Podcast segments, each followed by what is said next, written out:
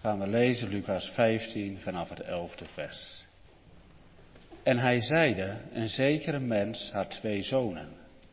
En de jongste van hen zeide tot de vader, Vader, geef mij het deel des goeds dat mij toekomt. En hij deelde hun het goed. En niet vele dagen daarna, de jongste zoon alles bijeen vergaderd hebbende, is weggereisd in een vergelegen land en heeft aldaar zijn goed doorgebracht, levende overdadiglijk. En als hij het alles verteerd had, werd er een grote hongersnood in datzelfde land en hij begon gebrek te lijden. En hij ging heen en voegde zich bij een van de burgers deszelfs lands. En die zond hem op zijn land om de zwijnen te weiden.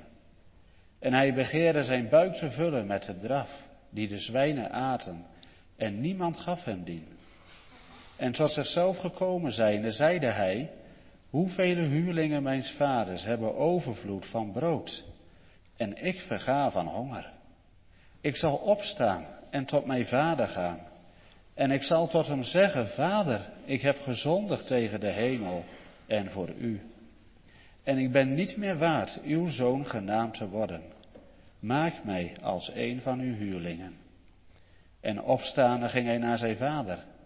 En als hij nog ver van hem was, zag hem zijn vader en werd met innerlijke ontferming bewogen. En toelopende viel hem op zijn hals en kuste hem. En de zoon zeide tot hem, Vader, ik heb gezondigd tegen den hemel en voor u, en ben niet meer waardig uw zoon genaamd te worden. Maar de vader zeide tot zijn dienstknechten, breng hier voor het beste kleed en doet het hem aan. En geef hem een ring aan zijn hand en schoenen aan de voeten. En brengt het gemeste kalf en slacht het en laat ons eten en vrolijk zijn. Want deze mijn zoon was dood en is wederlevend geworden. En hij was verloren en is gevonden. En zij begonnen vrolijk te zijn. Er zijn oudste zoon was in het veld. En als hij kwam en het huis genaakte, hoorde hij het gezang en het gerei. En tot zich geroepen hebben de een van de knechten, vraagde wat dat mocht zijn. En deze zeide tot hem, uw broeder is gekomen en uw vader heeft het gemeste kalf geslacht, omdat hij hem gezond weder ontvangen heeft. Maar hij werd toornig en wilde niet ingaan. Zo ging dan zijn vader uit en bad hem. Doch hij antwoordde en zeide tot de vader, zie, ik dien u nu al zoveel jaren en heb nooit uw gebod overtreden. En gij hebt mij nooit een bokje gegeven, opdat ik met mijn vrienden mocht vrolijk zijn. Maar als deze uw zoon gekomen is, die uw goed met hoeren doorgebracht heeft, zo hebt gij hem het gemeste kalf geslacht. En hij zeide tot hem, kind, gij zijt altijd bij mij, en al het mijne is uwe. Men behoorde dan vrolijk en blijde te zijn, want deze uw broeder was dood en is weder levend geworden, en hij was verloren en is gevonden. Zongen samen het verlangen van de psalmist die schreef, en overal uw grootheid openbaren. Dat ene zinnetje gemeente vat God de hele Bijbel samen.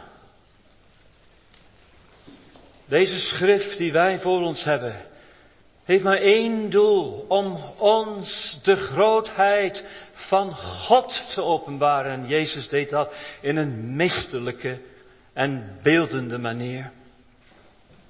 Vooral in de gelijkenis.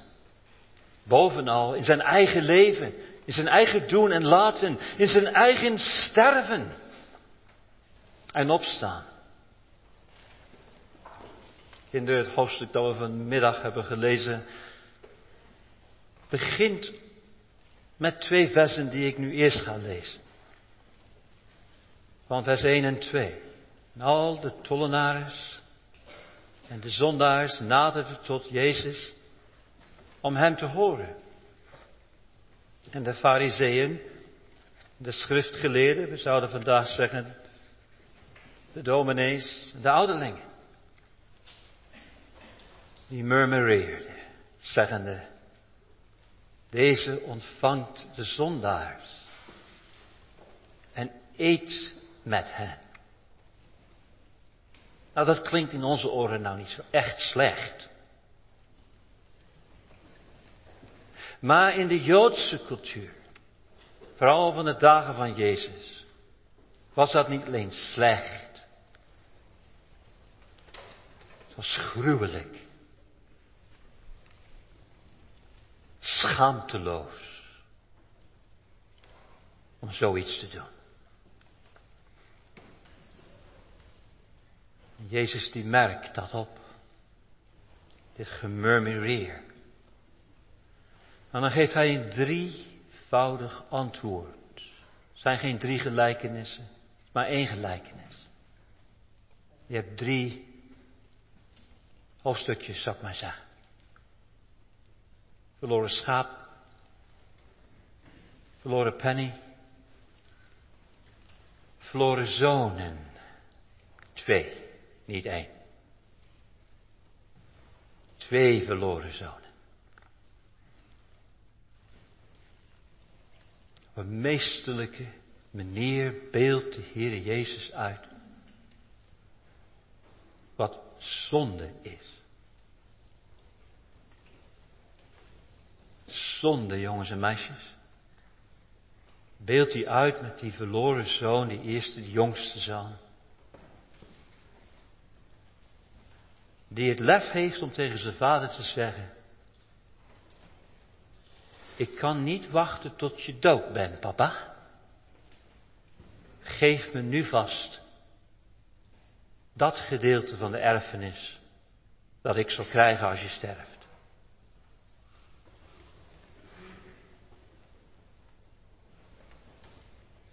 Daar word je gewoon ijselijk van.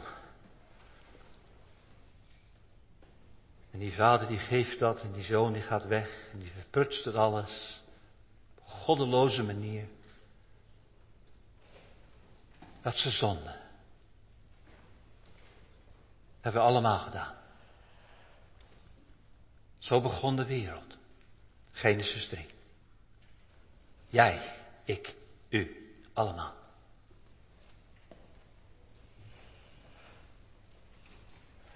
En dat hoogtepunt in dat eerste stukje van die twee zonen is natuurlijk vers 20. Als de jonge man terugkwam en de vader opstaande, ging hij naar zijn vader en als hij nog ver van hem was, zag hem zijn vader en werd met innerlijke ontferming bewogen en toelopende. In het Engels staat er dat hij rende en dat staat er ook in het Grieks, denk ik. En hij viel om zijn hals. En zij kuste hem. Louis Bailey, die heeft jaren in Israël gewoond. En die heeft dus verhaal elke keer meegenomen naar de Bedouins. Dat zijn die mensen die in die tenten wonen. Die wonen er nog, heb ik van de week gezien, vorige week. En had hij het verhaal voorgelezen en vroeg hij elke keer weer, wat was nou het meest opmerkelijke in dit verhaal? Weet je ze altijd antwoorden? Dat die vader rende naar zijn zoon. Dat zou de chic nooit doen. Die rende nooit in het publiek. Dat was oneerbaar. Deze vader die deed het. Kijk gemeente, wij lezen deze Lucas 15 een beetje door onze westerse lens. Maar dat doen we verkeerd. We moeten door de Bijbelse lens heen zien. Als wij in het Westen falen, dan ligt de schuld het meest op jou. Jij hebt gefaald. En jij bent schuldig. En jij hebt vergeving nodig. Maar we moeten ons even instellen in het Hebreeuwse cultuur. Dat betekent als jij faalt, falen we allemaal. Want jij brengt schaamte. Niet alleen op jezelf, maar op ons allemaal. Wij denken individualistisch. Maar de cultuur van de Bijbel niet. Onlangs trof me dat, ik preekte over Akan. En als je de hoofdstuk doorleest in Judges uh, eh, 7, geloof ik, 8, dan merkte ik op dat God niet zegt, Akan, er heeft er iemand gezondigd. Nee, hij zegt, Israël heeft gezondigd. Niet Akan, Israël. Hij ziet het allemaal als een groep. Zo moet je ook deze gelijkenis gaan begrijpen. En daarom wat deze vader deed, gemeente, en dan ga ik dan verder aan voorbij, die eerste gedeelte van deze zoon. Maar wat die vader deed, verbrijzelde zijn goede naam. Deze man gaf zijn reputatie op. Daar werd met schaamte gesproken over deze vader. In de hele dorpsgemeente. Wat deze man deed, was verschrikkelijk. Kijk, dan ga je het eerste en tweede vers begrijpen. Waarin er staat dat hem schriftgeleerden murmureerde, want hij ontvangt zondaren en eet met hen. Ze zagen hem rennen, ze zagen hem zijn zoon omhelzen, ze zagen hem zijn zoon herstellen in zijn zoonschap, in plaats van hem voor altijd uit het huis te zetten en als dood te beschouwen. En dan komt het laatste gedeelte van deze gelijkenis. En daar wil ik het nou vanmiddag met u even over denken. Die oudste zoon. Nee, het gaat niet over die oudste zoon. Het gaat over de vader van de oudste zoon. We gaan niet het hele gedeelte weer doorlezen, we zullen het wel doornemen. Maar ik vraag uw aandacht even voor drie gedachten. De vaders betoon van genade tot de oudste zoon. Laten we dat het thema noemen. Eerste aanleiding van zijn genade, bewijs of daad. Tweede, de daad van zijn genade, daad. De derde, de verwerping van zijn genade. En dan ga ik nog even terug naar de tweede gedachte met een aanhangsel. En ik noem dat de tegendaad van de vaders genade. Die staat niet in deze gelijkenis. Die staat in het boek van Handelingen. Daar komen we dan uiteindelijk op uit. Zo we denken vanmiddag over de vader genadedaad tot zijn oudste zoon. We lezen samen uit het hoofdstuk 15 Vers 25. Jongens en meisjes, lees even mee. De oudste zoon was in het veld. Hij was de hele dag aan het werk. Hij was helemaal ontwetend wat er thuis gebeurde. Hij was in het veld. Nou, stel niet voor dat hij met zijn handen in de aarde zit te roeten. Ja, het woord voor die oudste zoon is in de Griek presbyteros. Dat is het woord voor ouderling. Deze jonge man die had een managing position, positie. Die had allemaal andere mensen voor hem aan het werk. Hij stond daarbij. Hij is wel de hele dag weg geweest. Als de oudste zoon heeft hij natuurlijk een eerbaar positie. Zijn vader is een rijke man. Kan een groot feest organiseren. Er zag een mestkalf in het huis. Wel ook een groot huis. Hij heeft veel knechten. Alles, alles lijkt erop dat hij een hele rijke man. Daarom, die oudste zoon is niet zomaar een knecht, maar een hele belangrijke zoon. Hij was in het veld, lezen we. En als hij kwam en het huis genaakte, dichter bij het huis kwam, hoorde hij gezang en het gerei. In het Engels staat hij hoorde dancing. Dat natuurlijk heel veel in het Hebreeuwse cultuur was. Cultureel, het was iets heel blijs. En hij kon al van de verre horen dat deze muziek was vrolijke muziek. Was geen, geen, geen begrafenismuziek. Wat is aan de hand? Wat is aan de hand thuis, dacht hij. Vol verwondering komt hij aanlopen en hij roept een van zijn knechten die daar ook rondliep en zegt, hé hey daar, wat mocht dat zijn? Wat, wat is er aan de hand hier? Waarom deze vreugde? Nou, lees even mee, vers 27. Ik denk dat dat een hele gevoelige lading in ligt. Ik denk dat die hele knecht staat te glunderen misschien, verbaasd. Ik weet ook niet hoe hij eruit zag, maar hij zegt, uw, uw broeder is gekomen. Je broer is thuisgekomen. En uw vader heeft het gemeste kalf geslacht. Omdat hij hem gezond weder ontvangen heeft.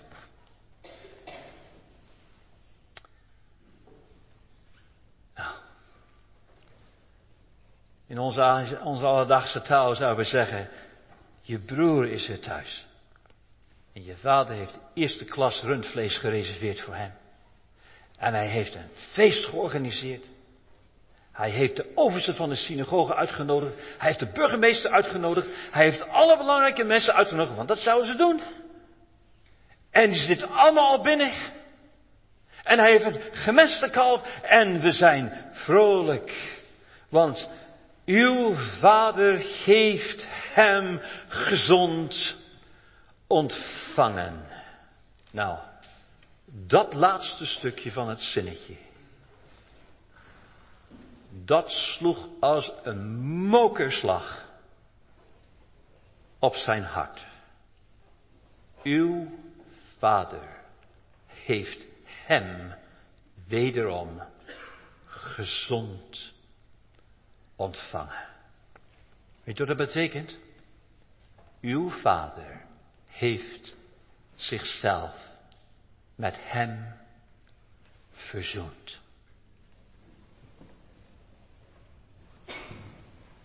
Dat kon deze oudste broer niet verwerken. Zal ik het anders zeggen?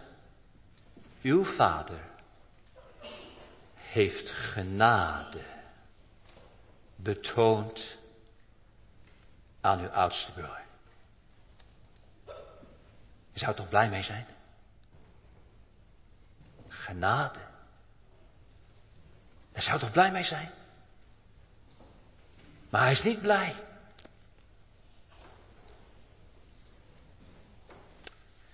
Hoe reageren wij? Als een van die afgedwaalde schapen van berken wouden, de wereld ingegaan, het hoerige leven, allerlei zonden op zijn kerfstok. Naam van de familie door de modder getrokken. Met zijn leven of haar leven. Schandelijk wat hij of zij gedaan heeft. En hij loopt die kerkdeur binnen. Vanmiddag.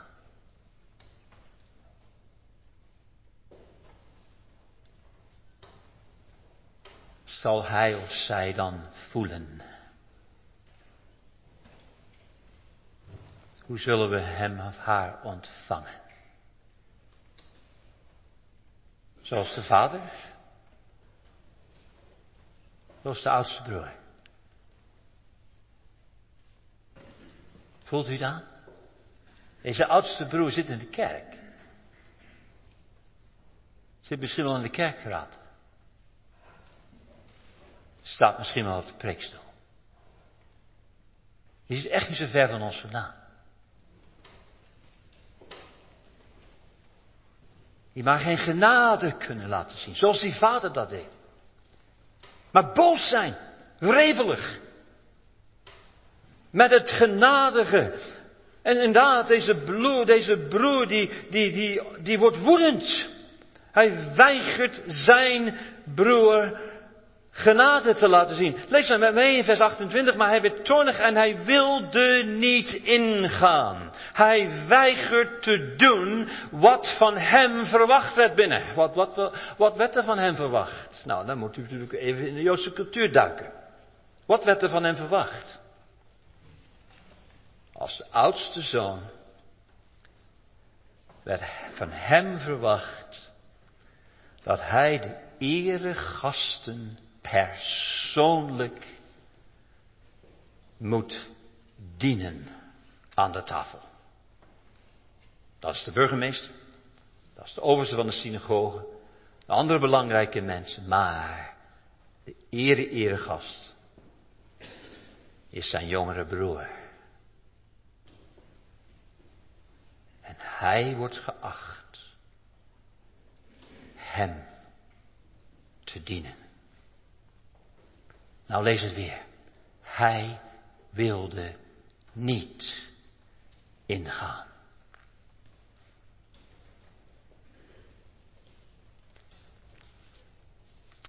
Hij weigert het. Gemeente, dat is nou niet ten eerste een persoonlijke belediging van zijn broer. Dat is het meeste hele onterende belediging van zijn vader. Hij onteert zijn vaders genade en weigert om hem daarin te volgen. Binnen in het huis is de spanning te snijden. Iedereen weet en wacht op de oudste zoon. En waarschijnlijk zitten al die burgemeesters en oversten van de synagoge en al die andere joden te denken over wat die oudste zoon gedaan heeft. Het is ongehoord wat de vader deed. Dat hebben ze al gevoeld, maar ze durven niks te zeggen tegen die vader. Hoe dat die vader die jongste zoon weer terug ontvangen heeft, die genade heeft laten zien, dat is ongehoord. Maar wat zal deze vader doen met de belediging van zijn oudste zoon? En wat hij doet, brengt een andere deining in het dorp. Lees maar. Zo ging dan zijn vader uit en bad hem. vader ging naar buiten, smeekte zijn oudste zoon hem in zijn genade te volgen. We hebben gezien de aanleiding van de genadedaad. Zwaar getergd. Ja, jezelf wel eens ingezien. Wij hebben God zwaar getergd. Zonde is niet zomaar een onschuldige foutje. Zonde is dit wat hier in dit gelijkenis wordt afgebeeld door de handelingen van de zoon, jonge zoon, die de wet verbrak. En de oude zoon, die de wet hield. Zwaar Dat doen wij. Het gaat hier niet over zomaar twee zonen, gemeente. Het gaat over u en ik. En sommigen van ons zijn als de jongste zoon, die verbreekt de wet en gaat de wereld in. Maar de meeste van ons zijn als de oudste zoon, zitten altijd in de kerk. We breken nooit de regeltjes van vader, doen het altijd netjes. Maar tergen hem door zijn genade te verwerpen. Laten we zien in de tweede gedachte even naar de daad van de vader. Ik heb het al aangetipt. De vader ging naar buiten. Voor de tweede keer in deze hele belangrijke dag in dit dorp. Doet de vader iets ongewoons. Doet de vader iets wat eigenlijk schaamte op zijn naam bracht. Elke Jood verwachtte dat deze vader met zijn zoon zou handelen en hem als het ware ook wegduwen. Maar nee, hij, hij ging naar hem uit. Hij was weer gewillig zich te vernederen. Hij was weer gewillig de schaamte te verdragen. Hij was weer gewillig om de kostbare prijs van de liefde te dragen.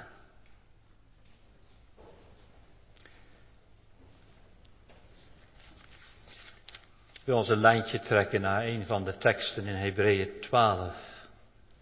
Ziende op de overste leidsman en de voleinde des geloofs, Jezus, de welke voor de vreugde die hem voorgesteld was, kruis verdragen en de schande veracht. Wij zien het kruis vaak als een ereteken. Maar in de ogen van de Jood en de Griek was het kruis het schandeteken. En wat die vader hier doet, hij brengt schande op zich. Maar hij veracht de schande. Hij denkt niet over de schande. Hij denkt niet over zichzelf. Hij denkt niet wat de mensen over hem gaan zeggen. Hij denkt over zijn verloren oudste zoon nu. Die daar buiten staat. Die mij niet van genade wil horen. Hij veracht de schande. Hij smeekte hem. In plaats van hem veroordelen en berispen, smeekte hem om in zijn genade ogen te zien en zo ook op zijn jongste broer te zien. Zien wij ook door die ogen? Kijken wij door de ogen van God en Jezus naar onze medemens? Kijk, dat is wat genade leert. Ze onszelf gaan leren kennen. Ze zien waar we geweest zijn en waar we zijn en wat we nog zijn. Dat dan die zo getergde God barmhartig en genadig is. Naar mij, naar u. Als we die God gaan leren kennen, gemeente. Weet u dan hoe u dat weet dat u hem gaat leren kennen? Dan gaat u op hem lijken. Dan gaan we iets weer spiegelen van de genade, van de liefde. Daar hebben we onszelf voor over. Daar hebben we onze naam voor over. Onze comfort voor over. Onze geriefelijkheid voor over. Zoals Hij dat deed.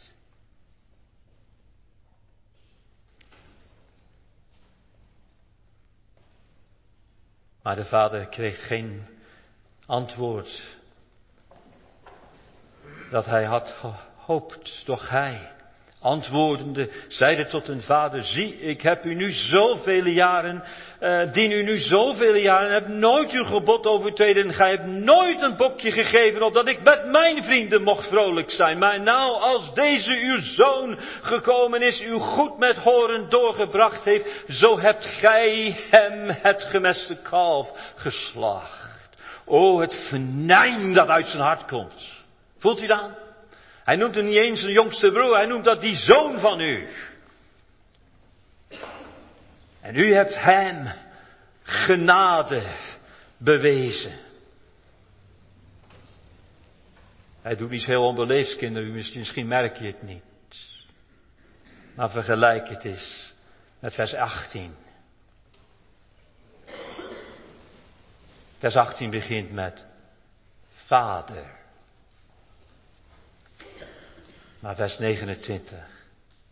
Niet. Dat is heel onbeleefd in het Joodse cultuur. Hij noemt hem niet vader.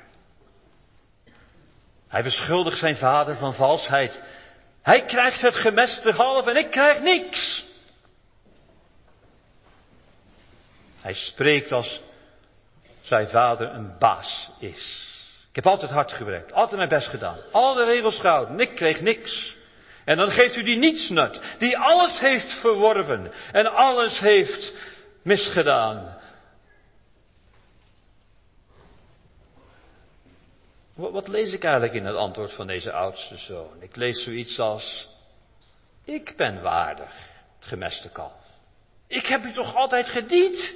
Ik ben toch altijd netjes geweest? Ik heb toch altijd uw geboden onderhouden? Ik ben altijd in de kerk gegaan. Altijd alles gedaan wat wij werd al gezegd. Wie spreekt hier nou eigenlijk? Wie spreekt hier in dit, deze oudste zoon? Dat zijn de fariseeërs die hier spreken. Dat zijn de goede kerkgangers, de net oppassende mensen, die eigenlijk geen genade nodig hebben. Want ze hebben ook jezelf nog nooit gezien. In wie je nou eigenlijk wel bent. Voor deze grote God. Misschien ben het u wel. Oppassend, netjes, maar geen liefde voor de verloren medemens. Zoveel verloren mensen om ons heen. En we veroordelen ze allemaal. Dat deed Jezus niet. Dat gaat hij wel een keer doen. Het einde van de wereld. Maar zijn eerste komst niet. Ik ben niet in deze wereld gekomen om te veroordelen. Ik ben in deze wereld gekomen om genade te bewijzen. Deze oudste zoon had helemaal geen liefde en genade voor de verloren mens, maar ook niet voor God de Vader. Geen liefde voor hem. Diep in zijn hart leeft trots en jaloezie en bitterheid en haat en boosheid en wrok en egoïsme. Gemeente, waarom reageert deze oudste broer zo? Misschien vult u het zelf ook wel eens. Beetje wrevelig als we die jongste zonen en dochteren in genade zien aangenomen worden. Misschien soms altijd een beetje wrevelig als je jongen aan het avondmaal ziet die helemaal verkeerde kant op gegaan is geweest in zijn leven. En die zit aan het avondmaal. En ik niet. Word je misschien ook wel eens een beetje wrevelig van binnen? Ik heb toch ook op netjes opgepast. Ik leef toch ook heel netjes, heren? En ik ben nooit in de wereld geweest zoals die jongen dat gedaan heeft. Pas op. Dat is de oudste broer. Daar heeft de Heer het als kritiek op in deze gelijkenissen. De oudste zoon die dacht dat zijn vaders hart hard was en onrechtvaardig. En hij is woedend op zijn vader voor de genade, voor hem die de wet vertrapte, terwijl hij netjes de wet hield. En dan gaat de vader nog verder. Hij zegt, maar hij zei dat het hem kind. En gemeente, dat zei hij niet tegen zijn jongste zoon. Maar hij zegt het wel tegen zijn oudste zoon. En dat woord kind, hoewel hij zo diep verwond is en zo diep onteerd is door de woorden van zijn oudste zoon, hij zegt kind, dat is een speciaal woord van genegenheid. Dat is een heel teer woord in de Hebreeuwse cultuur. Kind. Kind toch. Gij zijt altijd bij mij en al het mijne is het uwe. Alles wat van mij is, is ook u. Je bent erfgenaam. Dat, dat is eigenlijk verbondstaal. Is het niet? Dat is de taal die, die wij wat ontwend zijn, moet ik zeggen, maar die nog echt mooi in het dorpsformulier doorklinkt. Waarin we erfgenamen worden genoemd. Zo spreekt ook de Heer over deze Joodse zoon die als een fariseer, als een, als een, als een, een man vol rok en zonder genade is. Zoon, het is alles u ook aangeboden. Ik ben hier voor u. Ik heb alles voor u over. Ik heb alles aan u te geven. Maar hij zoekt het niet bij zijn vader. Hij zoekt het in zijn eigen werken. Hij zoekt het in zijn eigen doen. Kind, waarom ben je nou niet blij met het feestvieren over je verloren zoon en broer? Die dood was, maar nu levend geworden is. We hoorden vrolijk te zijn en blij te zijn, maar deze uw broeder was dood en is levend geworden. Hij was verloren, hij is gevonden. Kom dan toch naar binnen.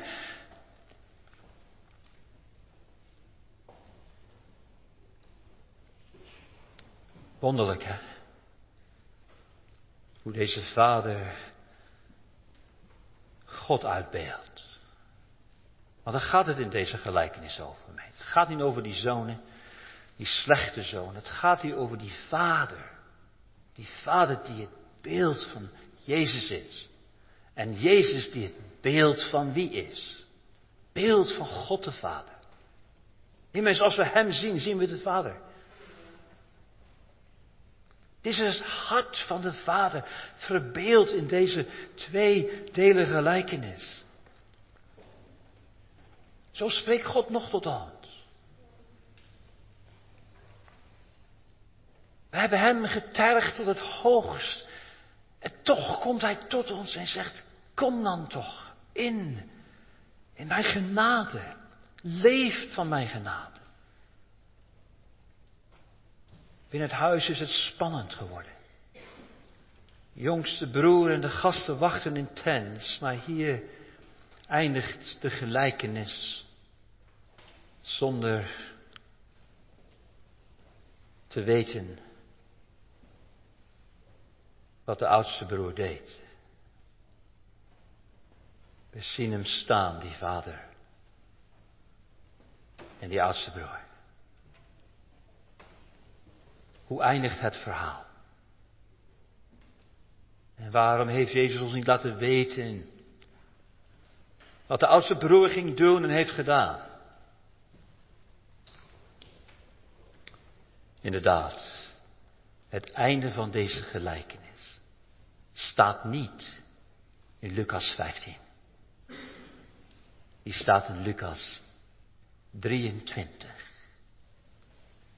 En als ik dat hoofdstuk eventjes mag samenvatten met één zinnetje, dan zou het dertigste vers van Lucas 15 zoiets lezen als dit. En de oudste zoon, in grote woede, nam zijn knuppel en sloeg zijn vader dood. Kruisigt hem. Kruisigt hem.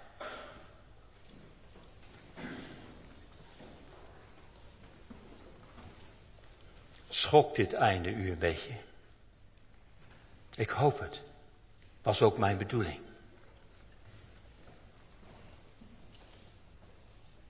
Dat is de werkelijkheid.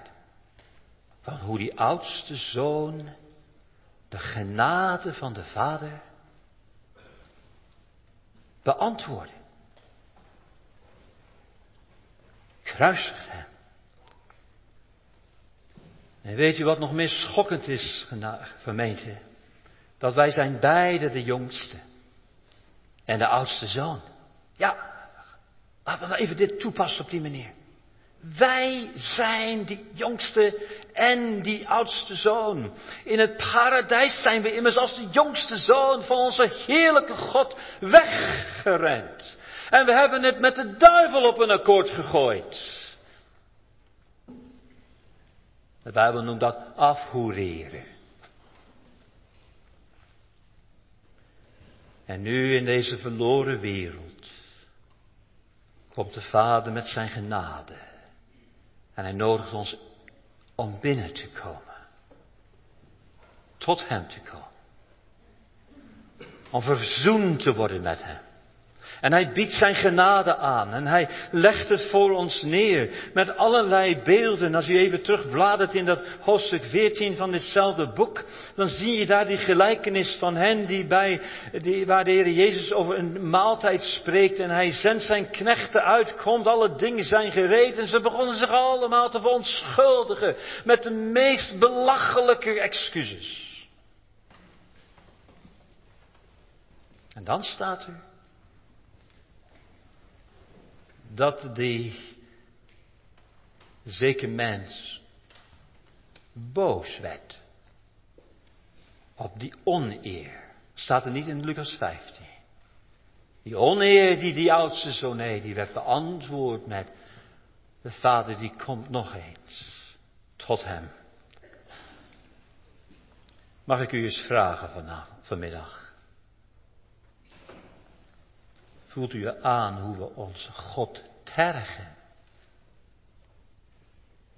Door in ongeloof de boodschap van zijn genade te verwerpen.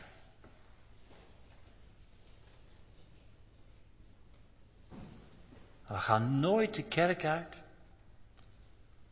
zonder of genade te aanvaarden of genade te verwerpen. Voelt aan hoe dat tergt? Hoe dat, dat deze grote God onteert die barmhartig is en genadig is en ons zoekt te overtuigen. Ik heb de weg gemaakt. Ik heb het mogelijk gemaakt door het kruis van mijn zoon. Dat ik tot u mag komen en u tot mij mag komen. Gemeente, dan kom ik tot mijn laatste gedachte. Tegendaad van de Vader. Die staat in, in Handelingen. Wilt u even met mij meelezen? Handelingen 3, vers 26.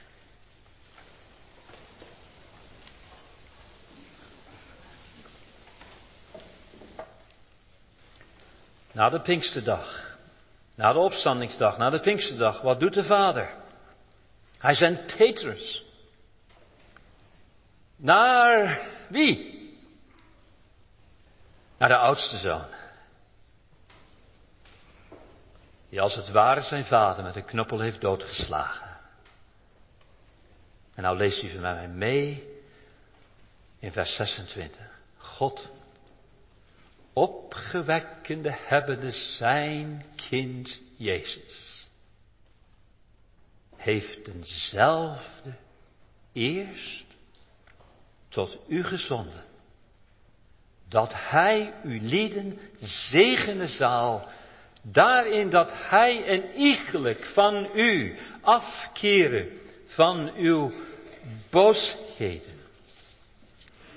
Laat dat eens even inwerken. God heeft zijn kind dat werd doodgeslagen door die die hem kruisigde als het ware, heeft hem opgewekt. En als eerste zendt hij hen tot hen die zijn kind vermoorden. Want zo staat het in vers 14. 14. Maar gij hebt de heilige en de rechtvaardige verlogend en hebt begeerd dat u een man die een doodslager was, zou geschonken worden. En de vorst des levens hebt gij gedood. Denk nou niet dat de Joden dat alleen maar doen.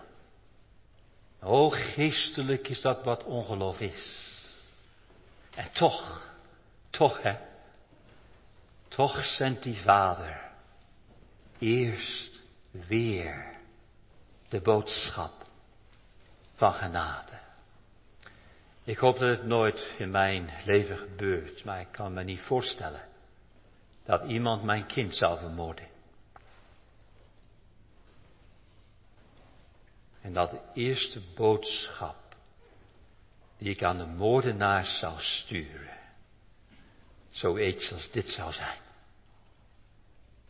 Ik wil je zegenen. Ik wil je goed doen, moordenaar. Maar dat is de heerlijkheid van God. Dat is het hart van de Vader. Dat is het evangelie. Dat is het, gemeente. En misschien zit hij wel hier vanmiddag, denk ik, oh, wat heb ik gedaan? Ik heb gedaan wat die oudste zoon heeft gedaan. Ik heb gedaan wat de Joden hebben gedaan. Geef me Barabbas maar. Laat die Jezus maar gaan.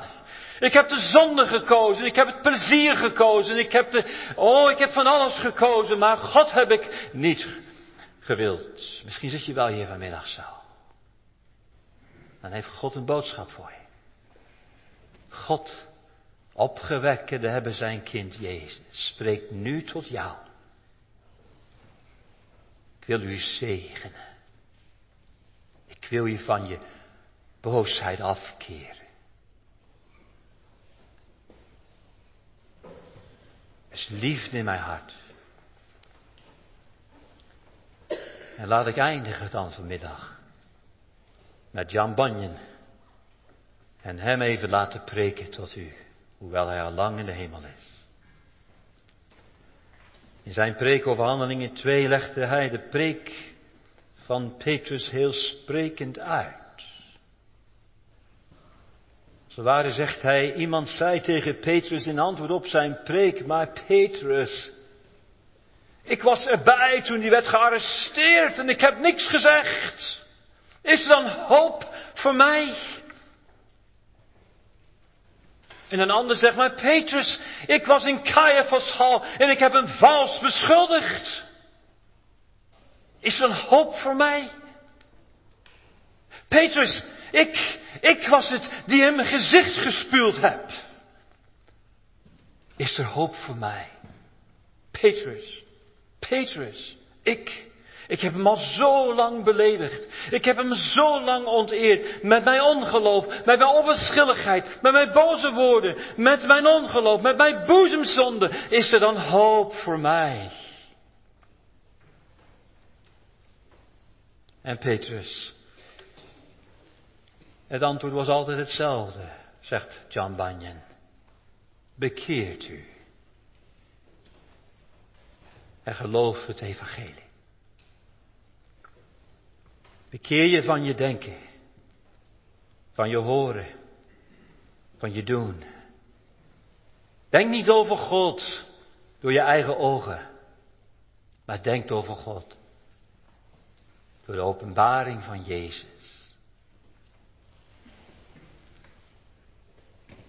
En daarom zegt Bunyan, daarom, o zondaar, wees overtuigd door mij in deze kwestie. Doe niet alsof je een andere man, andere vrouw of ander kind bent van hen die sprak in Caiaphas hal. En hen die spuugden in Jezus gezicht. En hen die riep, kruisigt hem. Plaats jezelf maar onder de vuile zondaren. En laat hem je tussen de kinderen plaatsen. Je wordt vandaag, als het ware bij naam geroepen om voor genade te komen. O Jeruzalem zondaar, zegt het luid en zegt het klaar op zijn roestem tot hem te kopen. Staat zij, ga weg jij duivel, Jezus roept mij. Sta op, ga weg, gij ongeloof. Christus roept mij. Sta op, ga weg, alle duistere gedachten, want mijn zaligmaker en mijn koning roept mij om mij barmhartigheid te geven. Kom, mij. Onteert zo'n God niet meer door buiten zijn genadehuis te blijven staan. Schaam hem niet, die het alles te verover had om een verdoemde zondaar in zijn armen terug te sluiten. Want de prijs van genade